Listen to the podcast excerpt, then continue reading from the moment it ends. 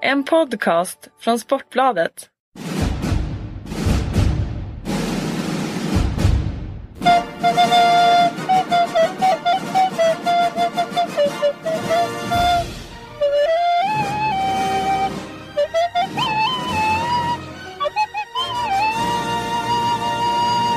Då var Handbollspodden tillbaka eh, blixtrande snabbt bara ett par dagar efter eh, förra avsnittet. Eh, Och den här gången har vi inte Kent-Harry Andersson med. Eh, Men däremot Per Johansson. Eh, Den första som gästen så att säga som är med två gånger faktiskt. Vilken Hur- ynnest. Ja, så ska man säga. Ja. Vad trevligt. Ja, ja, det är som sagt det är ju få förunnat. Det är ju ingen förunnat att ha varit det så här länge. Så här långt. Nej, barriärer är alltid härligt att, att spräcka. Ligga i framkant. Ja. Det är anledningen till eh, att vi kör en podd så här kort efter den förra och en lite speciell då utan Kent Harry. Han, han är så sliten efter eh, sitt journalistliv i två dagar i Tyskland så han fick vila upp sig lite. Ja, Eh, Men anledningen är att vi kör en ren dam-EM special här. Och eh, vad kan passa bättre än att ta in dig Per som eh, är nog den som har bäst koll på eh, EM totalt sett. För du ska väl, eh, du är väl påläst nu, ska kommentera.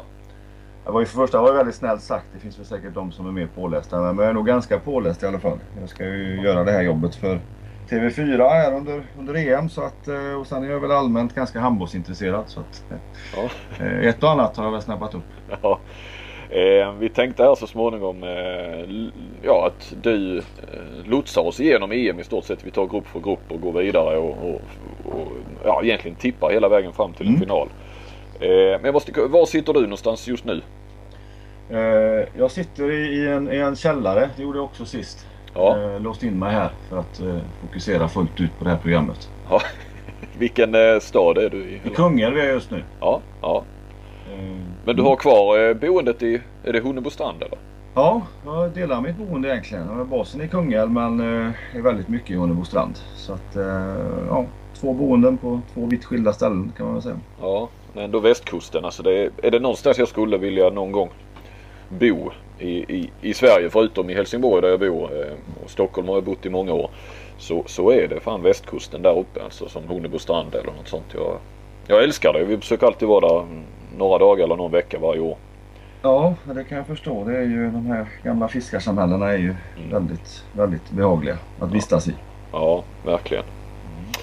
Eh, och innan vi sätter igång med själva EM så eh, måste vi också eh, eh puffa lite för att och tacka vår eh, sponsor eh, som gör det här möjligt. Eh, Svenska handbollslandslaget AB.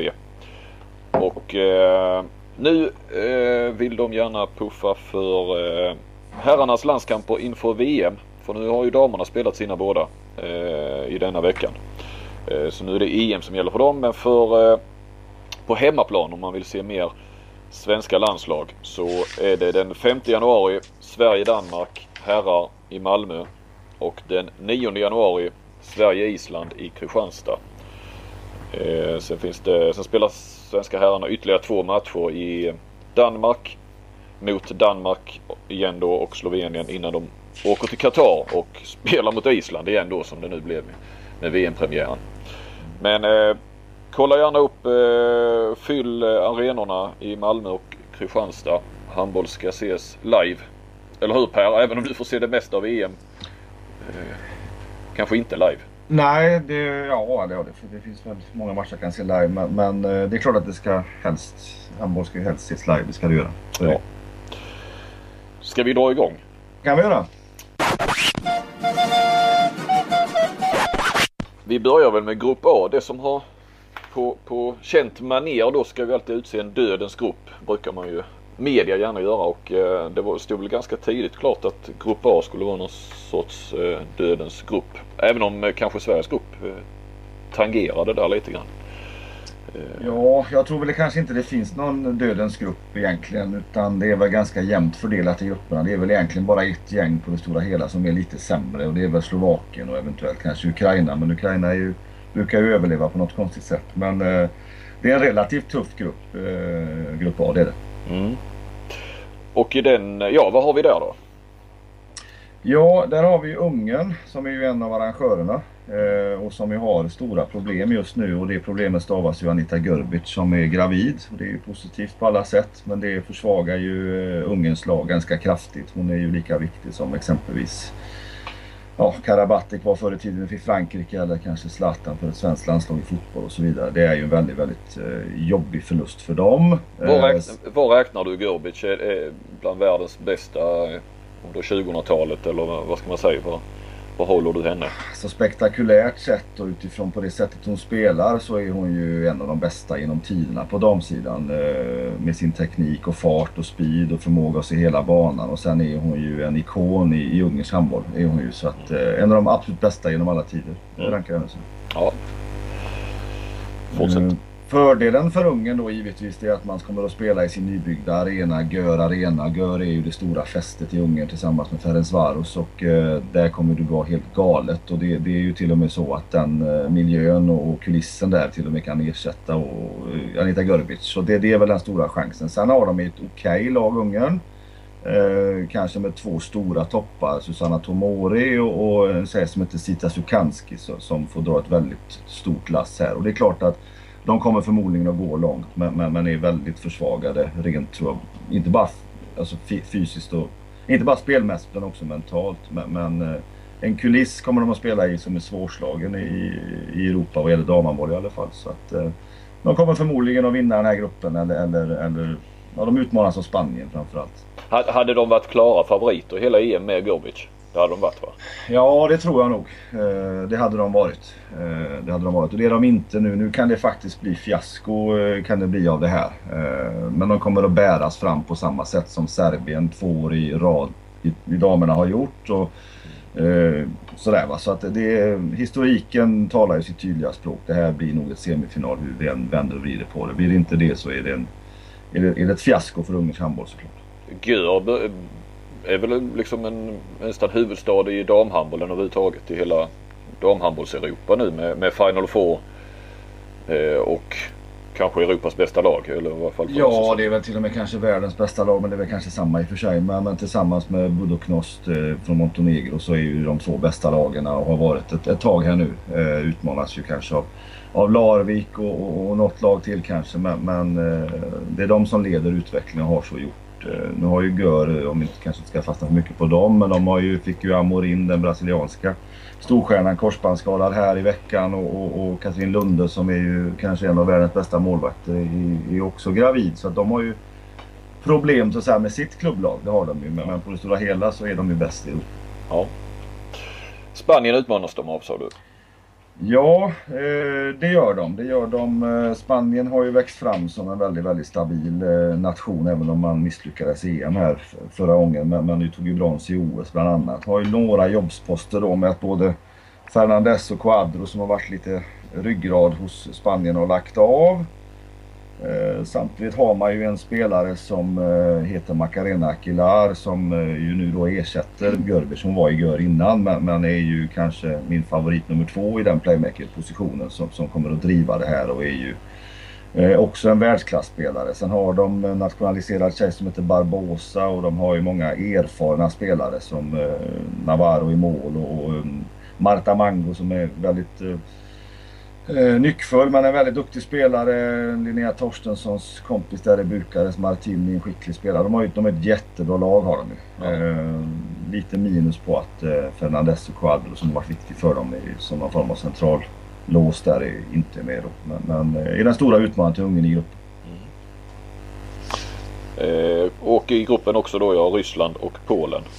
Eh, tyrannen Trefil har vi ju tillbaks. Ja. Vi har haft, eh, en liten förebild för dig va, i ledarskap? Nej, det är det inte. Men däremot så har hans ledarskap i Ryssland passat ganska bra. Dock inte EM där de bara ett brons och ett silver totalt. Men han hade väl tre raka VM bland annat. Och, men Ryssland är inte lika bra längre. Men, men, utan honom var de ännu sämre. Men nu har han plockat in lite folk här igen som Blisnova och de här äldre generationen. Och, och eh, har ju en bra återväxt Tyskland, eller eh, Ryssland. Det har de ju. Eh, sen har var det länge sedan de var uppe och nosade nu. Men eh, med hans järnhand där och, och kanske en mix av lite äldre och yngre spelare så, så, eh, så kan de vara en liten dark horse. Men klart osäkert var de kommer att hamna. Det kan vara fågel eller fisk. Det är ju lite ändå noterbart hur, hur Ryssland har tappat både på herr och damsidan. Egentligen ett så stort handbollsland, klassiskt handbollsland. Har ju såklart många spelare om man sett i hela landet. Ja det är det ju och Ryssland har ju inte, herrarna har ju inte haft den återväxten på samma sätt eh, som damerna har haft. Damerna har en jättefin återväxt och har ett par superkullar som kommer upp här och ska ju någonstans integreras med A-landslaget. Så att eh, här har du ett material, kanske redan i år men inom några år Ja, kanske okej. till OS som kan bli livsfarligt. Och det är väl bara Trefilo som kan leda det här laget och det är väl så det är. Då får väl han göra det. Ja. Eh, men allt från medalj till tionde plats eh, i min bok liksom på något sätt. Ja. Polen. Polen gjorde ju succé sist i VM med Kim Rasmussen och den danske coachen kom fyra. Var ju, inte från ingenstans kan man inte säga men det var ändå en stor överraskning. De har ett par riktigt, riktigt bra- bra spelare. De har en, en, en tjej som heter Vojta som spelar i Larvik och de har ju Kudlas i Leipzig och, och Bystra som i och för sig är lite skadad nu i Bodoknos men det är ju tre riktigt, riktigt bra spelare och fick ihop ett bra kollektiv kan jag tänka mig med, med en skandinavisk touch där och, och gjorde ju supersuccé kan man väl säga. Mm. Det är gott ord, supersuccé. Det är ju ditt ord. Super. Lite Guide. Ja, rakt in på löpsedel, ja kvällstidningens det gjorde de. Ja. Men det gjorde de. Men jag, jag får svårt att se att de ska kanske mm, ja, upprepa det i år. Men, men det, det, är ett, det är ett riktigt bra lag där inget, inget lag i Europa går, går eh, så att säga eh, säkert mot Polen. Men, men de är väl på något sätt så det, kommer det väl stå mellan Ryssland och Polen och åka i den här gruppen. Så, så behöver man väl inte vara raketforskare för att räkna ut. Nej, vi kanske ska tillägga, men det har väl alla som lyssnar som är så intresserade så att de lyssnar på det här. Men det är alltså tre lag från varje grupp som går vidare och man tar ju som vanligt poängen med sig. Det är ju de vanliga EM-reglerna. Då var det sagt. Har ni guckburk hemma? Grupp B ska jag bara dra, jag kan ju bara dra länderna. Eh, Norge, Danmark, Rumänien, Ukraina. Mm. Vad säger du om den då? Ja, vad säger jag om den? Jag säger så här att Norge har ju stora skadeproblem. De har ju en räcka spelare som inte är med, som är erfarna. Marit Frafjord bland annat. Nöstvall är också gravid och, och Anja Edin, Moli Stein. De har en lång, lång skadelista plus att då kanske den största framgångsfaktorn genom de här åren, Katrin Lunde, är, eh, är då gravid. Men, men har, där har man ju en ersättare bakom som heter Grimsby som har varit med länge. Och, och Ja, hon är inte dålig nej. Nej, det är hon inte. Och Solberg är inte så dålig heller. Så det, det är ett stabilt målvaktspar. Eh, Sen har ju Norge en fantastisk vinnarmentalitet och en struktur som gör att trots att de har en 7-8 spelare borta här som eventuellt hade tagit en plats här så har man ju ändå ett, ett lag som är, är väldigt, väldigt bra. Man fick en riktigt jobbig skada här i helgen. Det var ju den här explosiva högernian Sullan som är skadad och borta. Så att de, är, de är tunna och de är oerfarna på många platser. Men det finns också spelare här som exempelvis Stina Oftedal som en playmaker som, som eh, går riktigt bra i sy i Frankrike som, som kanske kan få ett genombrott här och så vidare. De blir ju alltid bra. Försvar, kontring. Sen får de svårt att uppställa spelet. Det är inte för mig en guldfavorit i det här mästerskapet. Nej, och de eh, var väl då i, i VM senast, blev de väl femma. Det var första gången de var utanför semifinal på bra länge tror jag. Ja, det är det. Och de kommer säkert att vara där uppe någonstans och vi kan mycket väl hamna dem, hitta dem i semi. Men, men inte lika självklart den här gången. Danmark känns väl intressant va? Danmark känns väl kanske mer intressant då är ju min eh, favorit i gruppsegern i den här gruppen. Eh, inte bara på grund av att de har slått eh, Norge två gånger men de har haft en, en, en, en räcka mästerskap här med, med två fjärdeplatser, två femteplatser och utifrån att inte haft speciellt bra gäng tycker jag. Jag tycker han är bra på att kräma ur det han har. Pytt liksom, som är deras förbundskapten. Nu kom de ju trea sist och ingenting tyder på att de inte ska kunna fortsätta på den inslagna vägen. Okej, de fick en korsbandsskada här nu på Bonde. Men, men eh, ett komplett lag, eh, bra åldersstruktur, eh, fyra bra vänsterhänta spelare och så vidare. Det, det är ett, ett riktigt bra Danmark. Det är den bästa upplagan Danmark på, på ganska många år faktiskt. Till och med kanske på en 7-8 år enligt min uppfattning. Så att de seglar nog upp som en av de stora utmanarna. Och vem utmanar de då? Ja det vet vi väl inte riktigt men, men de kan vara med längst upp i år. Och spelar med jävla fart och tryck ja. Ja, det gör de ju. Och De har många spelare som har varit med länge och som har varit med i den här räckan här med, med de fem, sex senaste mästerskapen och har varit och nosat. I och för sig bara en medalj de sista fem mästerskapen, men ändå varit där uppe på något sätt och fått spela många matcher och varit nära. Nu, nu kan det nog faktiskt vara Danmarks tid. Danmarks tur. Rumänien. Rumänien har ju haft en usel period landslagsmässigt med, med rätt stora slitningar och sådär. Har ju tre mästerskap där de har slutat tror jag 10, 11 och 13 här och har ju inte varit i närheten sedan de tog silver i, i det mästerskapet. Nej, de tog brons i det mästerskap som vi tog silver 2010. Mm. Där har du också en tyrann tillbaks. Eh, kanske lite... Kanske inte ska använda de orden. Jo då, det gillar vi.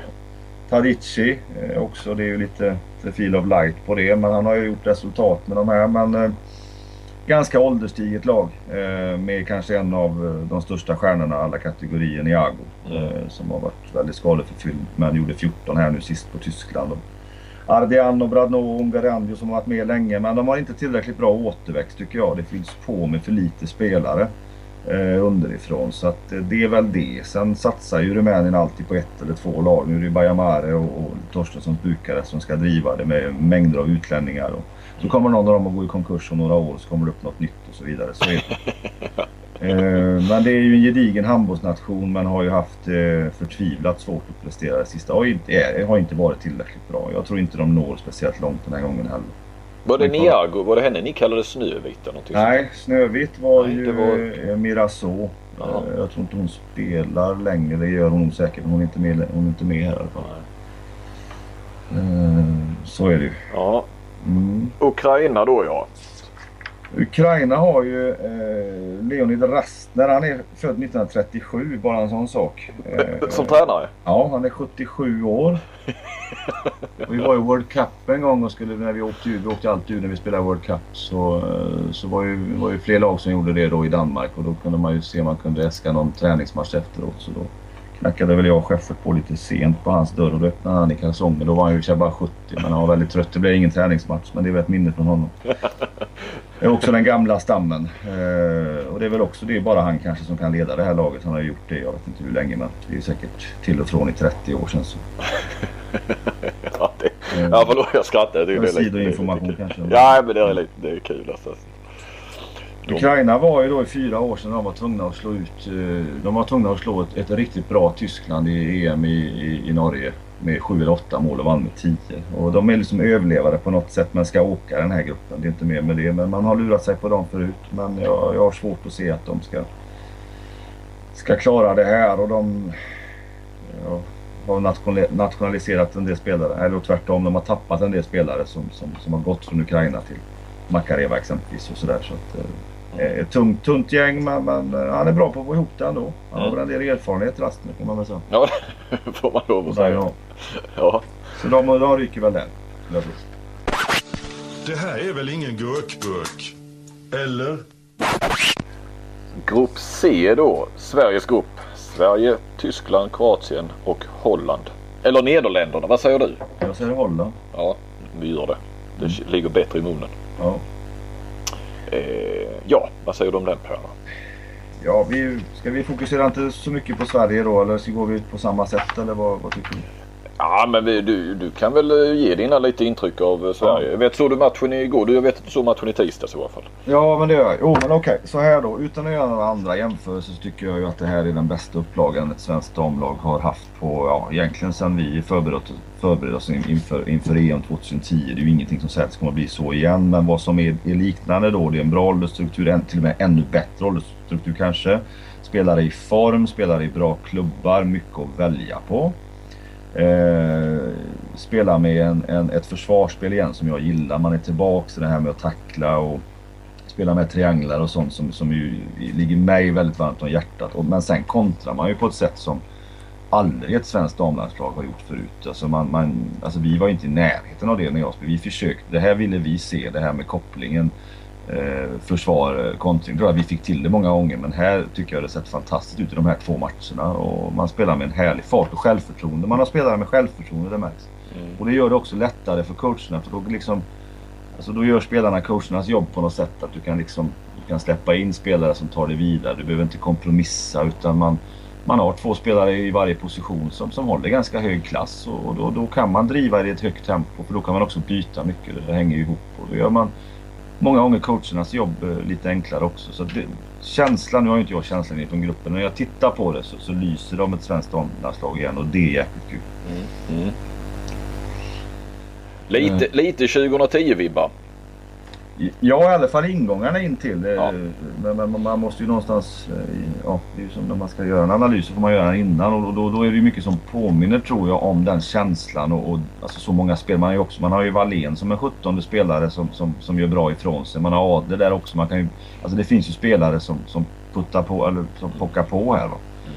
Och kanske några till eh, som gör det. Så att... Eh, det påminner en del ja. ja. Vad, vad säger du om målvakterna då?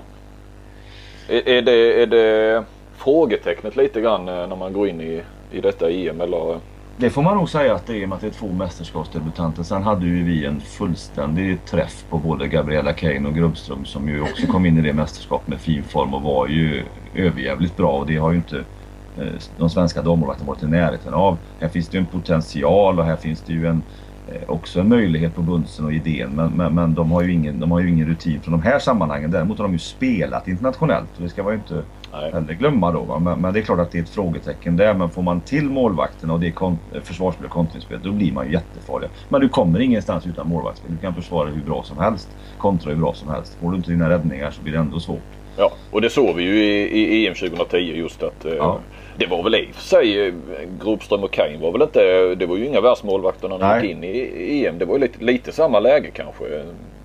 Och kanske Ja. hade lite mer erfarenhet. Ja, till skillnad mot att de hade lite mer erfarenhet eh, var väl det kanske då. Men, men Sverige spelar ju inte lika destruktivt som vi gör heller, heller på den tiden jag hade dem. Nu är det mer, alltså Sverige kan kanske göra 30 mål idag. Det kunde aldrig vi göra. Nej. Man gjorde 35 mot Brasilien. Det är ju att man kan ju någonstans få matchbilder där man löper åt båda håll och där det blir mycket mål och där man kan gömma kanske att det är lite svagt på målvaktssidan. Så, så är det ju. Det, det, den möjligheten hade ju inte riktigt vi när vi spelade. Vi var ju glada om vi kom över 24-25. Mm. Eh, Men här har du ett offensivt starkare lag eh, vill jag påstå. Mm. Eh, Och därför kan det bli en annan struktur än, vad det var kanske för fyra år sedan. Hängde du med på den? Jag hängde med. Hoppas lyssnarna också gjorde det. Men det tror jag. Du är så pedagogisk Persson. Tack. Vad ställs vi mot då? Kroatien i premiären. Ska vi ta dem i den ordningen vi möter kanske? Mm, ja, det kan vi göra och Kroatien blir ju favoriten i gruppen. Egentligen vet jag inte varför de blir det, men det blir de ju. Men alltså det, det är ju det här hemmaplan. Eh, ett lag som inte på något sätt är bättre mot Sverige ser absolut inte. Men med allt vad det innebär. Man har ett par riktigt, riktigt bra spelare. Andrea Penicic från Vardar är ju en, en av de bästa vänsternierna i världen. Eh, det är väl det som är egentligen, alltså världsspelare. Sen har de ju Grubicic som står i gör, en bra målvakt såklart. Tatari på Dragka har varit med länge. Sebicev, alltså det är ett ganska ålderstiget lag. Eller kanske ska säga erfaret lag. Är det. det där återväxten inte heller är så jättebra. Men de här har spelat ihop väldigt, väldigt länge.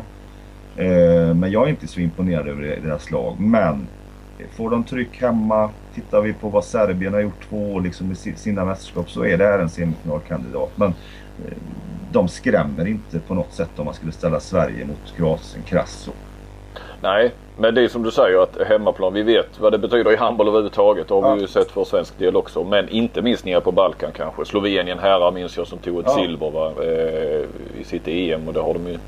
Ja, de har väl varit i någon semifinal sedan dess. Men det har de inte varit nära. Och som du säger Serbien och eh, Makedonien var ju svåra Ja. att tas med när de spelade i Serbien. Men de fick ju ett hemmastöd där. Det minns vi ju. Ja, och Kroatien har ju ingenting, har ju inga meriter överhuvudtaget de sista åren. Eh, och jättelänge länge sedan, men, det går inte att bortse från det. Eh, vad det innebär i kraft och nationalism och allt det där. Det går inte att bortse från. Men som lag är de inget för mig. Topp 10 kanske. Eh, Holland. I, Holland är, ju ett, eh, ja, Holland är ju någonting när, när man inte, ja det läser så, det blir en slagpåse hit och dit. Men liksom Holland är ju ruskigt läskig. Alltså Holland spelar ju med en fart som är ju... Alltså Holland spelar på det sättet att man spelar i, i, i, den högst, i, i väldigt, väldigt hög fart och får man inte utdelning på det spelar man ännu högre fart. Och så det är det, farten och tekniken och det. Ett läskigt lag att möta, inte så fysiskt tungt och så men lurigt läskigt och, och eh, för mig är de eh, inte sämre än vare sig Kroatien, Sverige eller Tyskland. De kan lika gärna vinna den här gruppen som Sverige kan göra. Eh, vinner gör de kanske inte men, eh, ett, ett väldigt bra lag. Alltså också med många spelare som har varit med länge. Mycket gråt och hon Heiden spelar ju både i Esbjerg och i... Hon spelar väl i Midtjylland gör hon ja. Så- Gård har ju den svenska förbundskaptenen i sitt lag. Ja, då, så har de ju Ja, Pohlman i Esbjerg och, och då har de ändå inte den bästa med Laura Visser. Hon är väl den mest besvärliga också. Hon har ju varit... eh, Hon hade ju någon form av fullständigt frispel här i något mästerskap för några år sedan mot sin coach och sen har hon kommit med längre och spelar i Leipzig. Men, men alltså de har ju den här holländska handbollsskolan där de producerar eh, mycket spelare och spelar på sitt lilla egna sätt. Mm. Eh, lite som Korea spelade, alltså väldigt, väldigt snabbt. Och snabba avslut och, och mycket fina finter, bra teknik. Och så. Tiki-taka kallade Claes Hellgren det hörde ja. jag i, i tisdags eh, i sändningen. Ja, lite så är det ju. Man, man spelar handboll på sina... har en helt egen idé och den, den driver man. Och det var ju Bernt Bauler en gång i tiden som började med, med den här eh, hall, eller holländska skolan och den lever kvar fortfarande. Så att man har, var ju, eller mötte Ryssland här och spelade en oavgjord och vann en och sådär. Så att, eh, eh, stor respekt för dem och inte på något sätt det svagaste laget som det ropas ut överallt. Det finns inget svagaste laget i den här gruppen. Dödens nej. Eh, ja, kanske, ja, eller på det, ja, eller, eller alltså, ja. Jäm, jämn grupp i alla fall. Jämn grupp fall. Tyskland har Sverige i sista gruppspelsmatchen.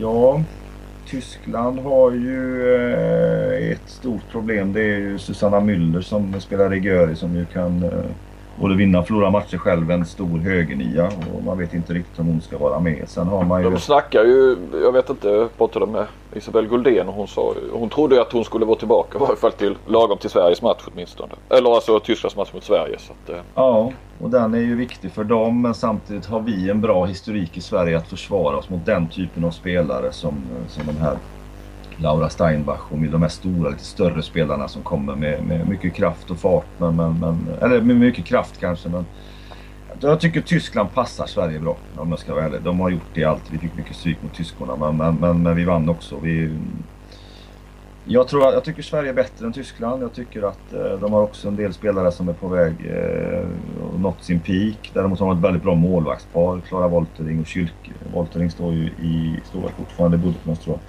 Ja, det är väl en av världens bästa efter ja, Lunde där va?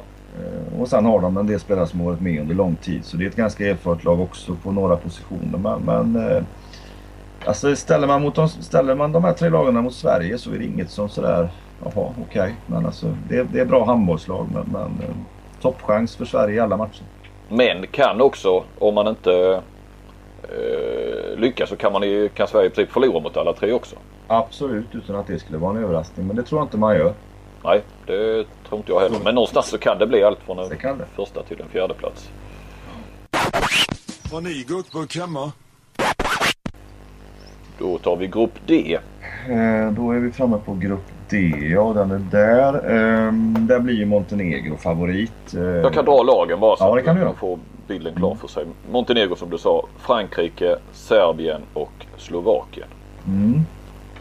Eh, Montenegro har ju med jättefina resultat det sista. De tillsammans med Brasilien har ju växt fram liksom som, de, som, ja, som lite friska fläktar här i, i damhandbollen. Och, och, Montenegro är ju också mycket Budoknost som har ju vunnit Champions League och så vidare.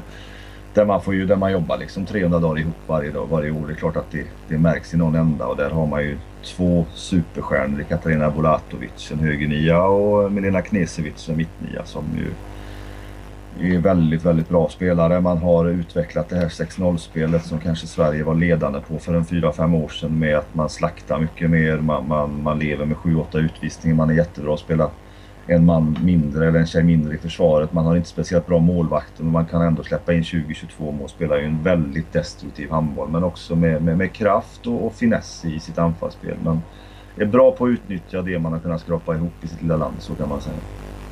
Han har väl i och för sig tagit hjälp av Serbien när det gäller att skrapa ihop i sitt lilla land.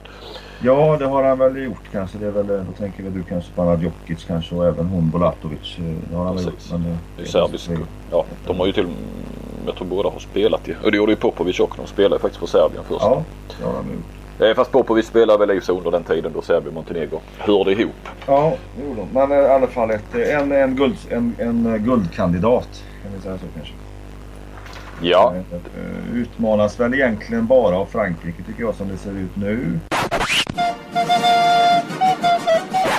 Ja, alltså Frankrike blir ju den stora utmanaren då i den här gruppen eh, mot Montenegro då. Eh, har ju ett eh, väldigt erfaret lag, har ju jättemånga spelare som har varit med väldigt länge. Bra målvaktspar man har Alice och Pinot, man har Dembele och, P- och Lacambré och Aguilon och så vidare som har varit med väldigt, väldigt länge. Ehm, skaplig återväxt. Får in lite spelare här och där men, men historiskt sett så har man ju eh, inte lyckats kräma ur den kompetens som man har i laget. Nu har man ju en relativt ny förbundskapten. Och det, det kanske kan tala för Frankrike men, men ett väldigt, väldigt bra lag. Fysiskt spelande lag. Det man har fallit på innan har ju varit att man har spelat lite för ålderdomligt och förutsägbart i anfallsspelet. Och jag vet inte om man har förändrat det så mycket i och för sig men, men eh, eh, ett lag som eh, definitivt kan ta medalj. Mm. Sen har vi Serbien ja. Eh, ja, Serbien har ju egentligen bara gjort resultat två gånger i modern tid, höll jag på att säga. Så är det ju inte. Men, men eh, mycket på grund av att de har haft eh, värdskapet för både EM och VM och, och har ju en första uppställning eh, och har haft som är, som är väldigt, väldigt duktig. Nu sliter man ju med enormt med skador. Man har ju framförallt skador på sina bästa spelare, Andra Lekic, Sanja Damjanovic som ju spelar med Guldén i Viborg och Katarina Tomasevic, målvakten som har varit väldigt framstående och även Mets playmaker där, Kristina Lisevic. Eh, och där sliter de ju mycket och utan dem så är de ju inte i närheten av någonting. De kan ju förmodligen klara sig vidare ändå på grund av att Slovakien är svagt. Men, man är tvungen att få tillbaka alla sina stjärnor för att komma i närheten. Nu spelas ju återigen det här mästerskapet på Balkan så det talar väl ändå lite för Serbien att man kan komma en bit. Men för deras del är det en förutsättning att man får tillbaka de skadade spelarna man har. Annars är de, eh, kommer de ingen vart. Nej. Eh, och sen Slovakien då ja. Ja, Sämst i EM eller? Ja, det får man väl säga att de är. Eh, och de har ju inte varit speciellt eh, närvarande på mästerskap eh, någon gång egentligen genom åren. De har ju två bra spelare. En, en eh, mittnia som heter Benushkova och en vänsternia, jag tror han är Dubashova, äldre spelare, men, men har ju Eh, ja, har ju inga meriter från det här och, och, och kan ju klara sig kvar då på grund av eh, någon form av entusiasm här att man är med i ett mästerskap och att man och att inte Serbien får ihop det, annars åker de ur. Jag tycker att det är EMs klart sämsta lag. Det är som sagt det är väl de som sticker ut då negativt. Annars är det ju, det hör jag ju när jag pratar med dig och som också många har påtalat eh, olika förbundskaptener att det är ett väldigt, eh, det är ett vidöppet eh, EM på många sätt jämfört med, med tidigare. Kanske, kanske det mest öppna, ja, någonsin. Ja, det tror jag att det är. Det tror jag på, av en del anledningar. Dels är inte Norge lika dominant längre. Eh, dels då så har Ungern lite problem med sitt lag. Eh, dels så ligger det på Balkan. Det gör att lag som Kroatien, kanske då som vi varit inne på Serbien också kan eh, blanda sig i det här. Vi har ett svenskt landslag som är bättre än på mycket, mycket länge. Länge och, och, och, och så de här friska fläktarna som vi nämnde förut. Jag vet inte om det är så frisk fläkt. Men Montenegro och Frankrike, de här stabila lagen som har varit. Så att, Danmark är bättre än på länge Ja, kanske, förlåt. eller? Danmark. Absolut. Dan och kanske framförallt Danmark. Mm. Eh, är det. Så att jag, jag ser ju i alla fall här. Eh, det är ju rimligen en åtta lag som kan vinna utan att det hade varit en skräll på något sätt. Och det är inte så ofta det är så i mästerskapen. Det är väl där har vi en helt annan situation på herrsidan exempelvis. Där, där, där man tycker man har fyra giganter och, och kanske egentligen ingen utmanare. Så här, här är det utmanare lite här och var och man vet inte egentligen vilka de utmanar utan eh, Nej. många bra lag och många jämna styrkeförhållanden. Vad gäller styrkeförhållanden, jämna lag. Det här är väl ingen gurkburk? Eller? Ska vi gå vidare då och titta en tänkt mellanrunda då utifrån vad vi, vad vi har tippat. Ehm, då slås ju Grupp A och Grupp B tillsammans och spelar i Ungern. Ehm, Ja. Grupp C och Grupp D slås ihop och spelar i Kroatien. Får flytta sig till Zagreb då, ju Sveriges grupp. Mm. Ehm, om, om du bara ser, eh, ser eh, halvorna så att säga. Är Sverige i en, en eh, och vi utgår från Sverige då, är, är, vi i en lättare eller svårare halva jämfört med den andra? Ja, alltså vad är emot Sverige? Vi, vi utgår från att Sverige gör ett bra resultat då. Eh, Mm. Får man ju göra då. Att de kanske tar med sig två eller fyra poäng som ju hade varit bingo. Då, då ställs man ju mot Montenegro, Frankrike, Serbien och då, då, då, då, eh, då slipper man ju bland annat Nej det gör man ju inte. Man, ställ, jo, man ställs mot Montenegro, Frankrike, Serbien. Då, Mm. Någonstans där. Mm. Ett försvagat Serbien. Ja, eh, och ett starkt Montenegro och ett starkt Frankrike säger vi då. Men samtidigt då så slipper man ju Danmark, Norge, Ungern, Spanien, exempelvis Ryssland finns på andra sidan. Så att eh, jag tycker, def, jag tycker inte den sidan är starkare på något sätt. Det är väl ganska, snarare kanske lite svagare. Men, men där Sverige då kan göra den ganska stark genom att själva vara bra och så vidare. Det, det... Vilka menar du var svagare? Sverige ser nästan lite svagare den halvan. Ja, på, för, mm. på förhand kanske den är ja. det, får, får ja. jag väl säga. I och med att man, man ju, ja det är det den kanske. Men, men jag menar det så här då att om Sverige gör en bra figur här i gruppspelet då blir ju det ett starkt lag. Så att, ja. Eh, då, då blir det väl ganska mm ganska jämnt ändå. Men där är väl tipset att Montenegro, Frankrike, Serbien, Sverige, Kroatien, Holland säger jag för att sticka ut lite, går dit då. Mm. Uh, men vi, vi fortsätter på Sveriges halva eftersom vi har börjat ja. på den då ja. Uh, precis, Slovakien väck och Tyskland väck ja. Ja. Uh, och då klart att då, då, får Sverige in där med två poäng kanske. Mm. annars blir det ju svårt, annars kan vi ju räkna bort medalj chanserna. Går man in med fyra så man kanske, kan, man, kan man ju tåla en förlust. Då kan det kanske bli så att man förlorar mot Frankrike, slår Montenegro och Serbien och så är man en semi. Mm. Eh, men mycket avgörs ju med, med poängskörden du får med dig. För att får du med en liten poängskörd och är då tvungen att vinna mot både Montenegro och Frankrike, då kan nog det vara övermäktigt. Men, men eh, Tittar vi EM 2010, vi gick därifrån med fyra poäng. Vi klappade dit Norge i första matchen. Men då har du ett jätteläge sen. Va? Mm. Eh, och det är klart, poängskörd plus en, en första vinst i mellangruppspelet. Då har du en eller två chanser på att ta det till semi. Och det är inte orimligt för ett svenskt lag per idag. Nej, och vilka... Ja, men du skulle tippa då två semifinallag från den här halvan då?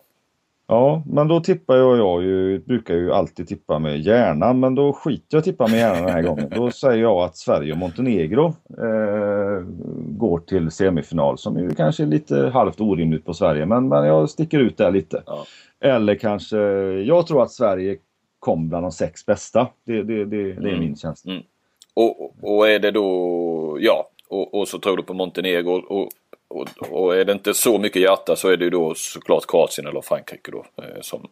Ja, det är klart att det är. Ska, ska, ska jag prata rent med, med bara med, med, med, hjärnan så, så, så kanske det är, det är, Kroatien plus Montenegro eller Frankrike som tar sig till semi. Mm. Det, är väl, mm, det är väl en viss förhoppning också kanske att Sverige ska, mm. ska, ska lyckas nu. Det har jag väl bakat in i den analysen. Då. Absolut. Ska vi kolla på den andra halvan då? Mm. Där går ju Ungern, Spanien, Ryssland vidare tror jag då från grupp A och så går ju då Norge, Danmark, Rumänien vidare från grupp B och då tror jag sen att Rumänien kommer inte ha med det att göra och jag tror inte heller att Ryssland kommer ha det med att göra men då har du fyra lag kvar eh, och då, då är det väldigt tufft. Jag tror Danmark blir ett av dem. Eh, och sen det andra gänget där tas av antingen Norge, Ungern eller Spanien. Så att eh, med hjärtat då två semifinaler där Montenegro, Sverige, Danmark, Ungern är. Mm. Eh, men där det lika gärna kan vara Norge eller Spanien som tar den mm. platsen. Mm. Ja. en helgardering, åtminstone en halvgardering, ja, men det förstår ja, jag. Ja. ja, det är det ju på något sätt. Men, men, men eh, om jag ska skita i halvgardera då eller helgardera så Säg Montenegro, Sverige, Danmark, Ungern då. Mm. Ja, och sen är det ju, ska vi säga, ja, då är vi långt framme. Det är svårt att prata om, om finallag eh, kanske. Eh, eh. Ja, men, men, på en fråga så får jag väl svara. Då, då säger jag Danmark, Montenegro i final. Mm. Sverige, Ungern i en bronsmatch. Ja. ja, det har inte varit, det har inte varit fel. Nej, det hade ju varit fantastiskt. Ja. Eh, bra, men då har vi egentligen gått igenom alltihopa. Mm. Eh, det bara slog mig nu, nu, nu är det damerna ska vara fokus på. Men va, va, nu kör de ju det här klassiska två gruppspel. Men sen på här sidan sen när vi kommer till VM i januari så är det åttondelsfinal och kvartsfinal och sådär. Mm. Vad gillar du det? Eh, vad, vad föredrar du? Tycker man är olika som förbundskapten respektive som tittare eller så? Eller vad? Det är klart att man har ju inte mycket skyddsnät om man skulle, alltså det är ju så att det är VM-arrangören får ju välja om man vill ha main round eller åttonde som det är så det är. Därför har det ju varit lite olika. EM är ju alltid så här med main round men, men eh, åttondelar blir ju en helt annan struktur. Du kan ju lägga upp det på annat sätt men samtidigt i VM så har du lite skräplag du ska möta också men där kan du göra en, en kanongrupp och så åker du direkt. Va? Här i ett mellangrupp så kan du tåla en förlust i gruppen och, och, och mm.